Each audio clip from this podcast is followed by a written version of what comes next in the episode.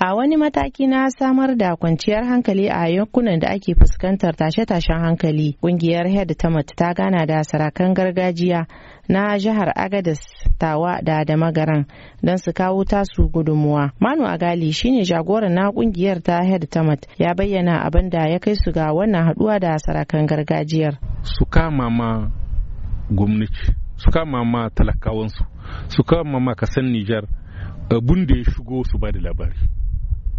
In wani ya zo sai ya je ga wani sabon addini ya kawo ai ta wajen sarakuna zabewa kamata. Suke da labari suke kusa da talakawa.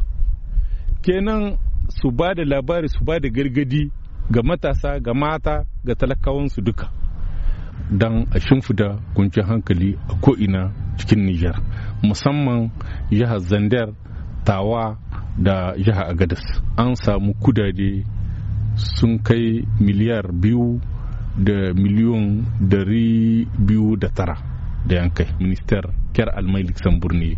Su ne suka ba da waɗannan kudade don a yi ayyuka.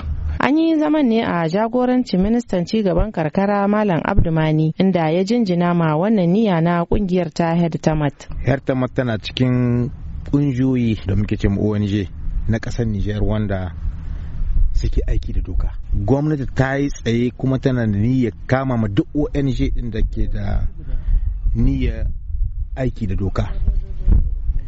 To shi ya muka zo don mu ba da izini. Sarakunan gargajiya kowa ya san ayyukan da suke yi a nan ƙasar nijar na taimaka ma al'umma. Mun sake kira ne gare su aikin da suka saba yi su ci gaba da yin shi.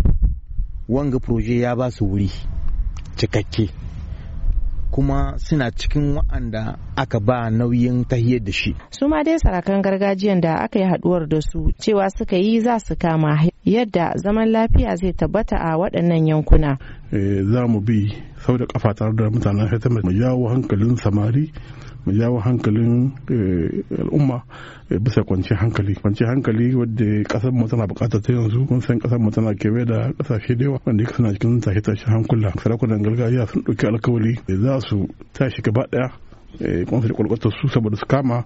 Don ko insha Allah za mu kama ma gwamnati za mu kama ƙungiyar Hetamat don saboda wannan take tashen hankula sa za rigingimu addini su rage cikin mu. sarakuna duka sun ba da goyon baya ɗari bisa ɗari. Za su taimaka da ikon Allah da kuma yarda al'umma.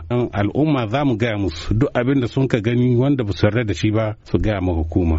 In an ka sami haka kenan an sami goyon baya ga al'umma jami'an tsaro sun sami goyon baya ga hukuma kenan wannan abubuwa in sha Allahu da addu'o'i da za a ci gaba da yi wannan abin in Allah ya sa da za a ciwo kanshi Tamar Abari, muryar Amurka daga Agadez a jamhuriyar Nijar.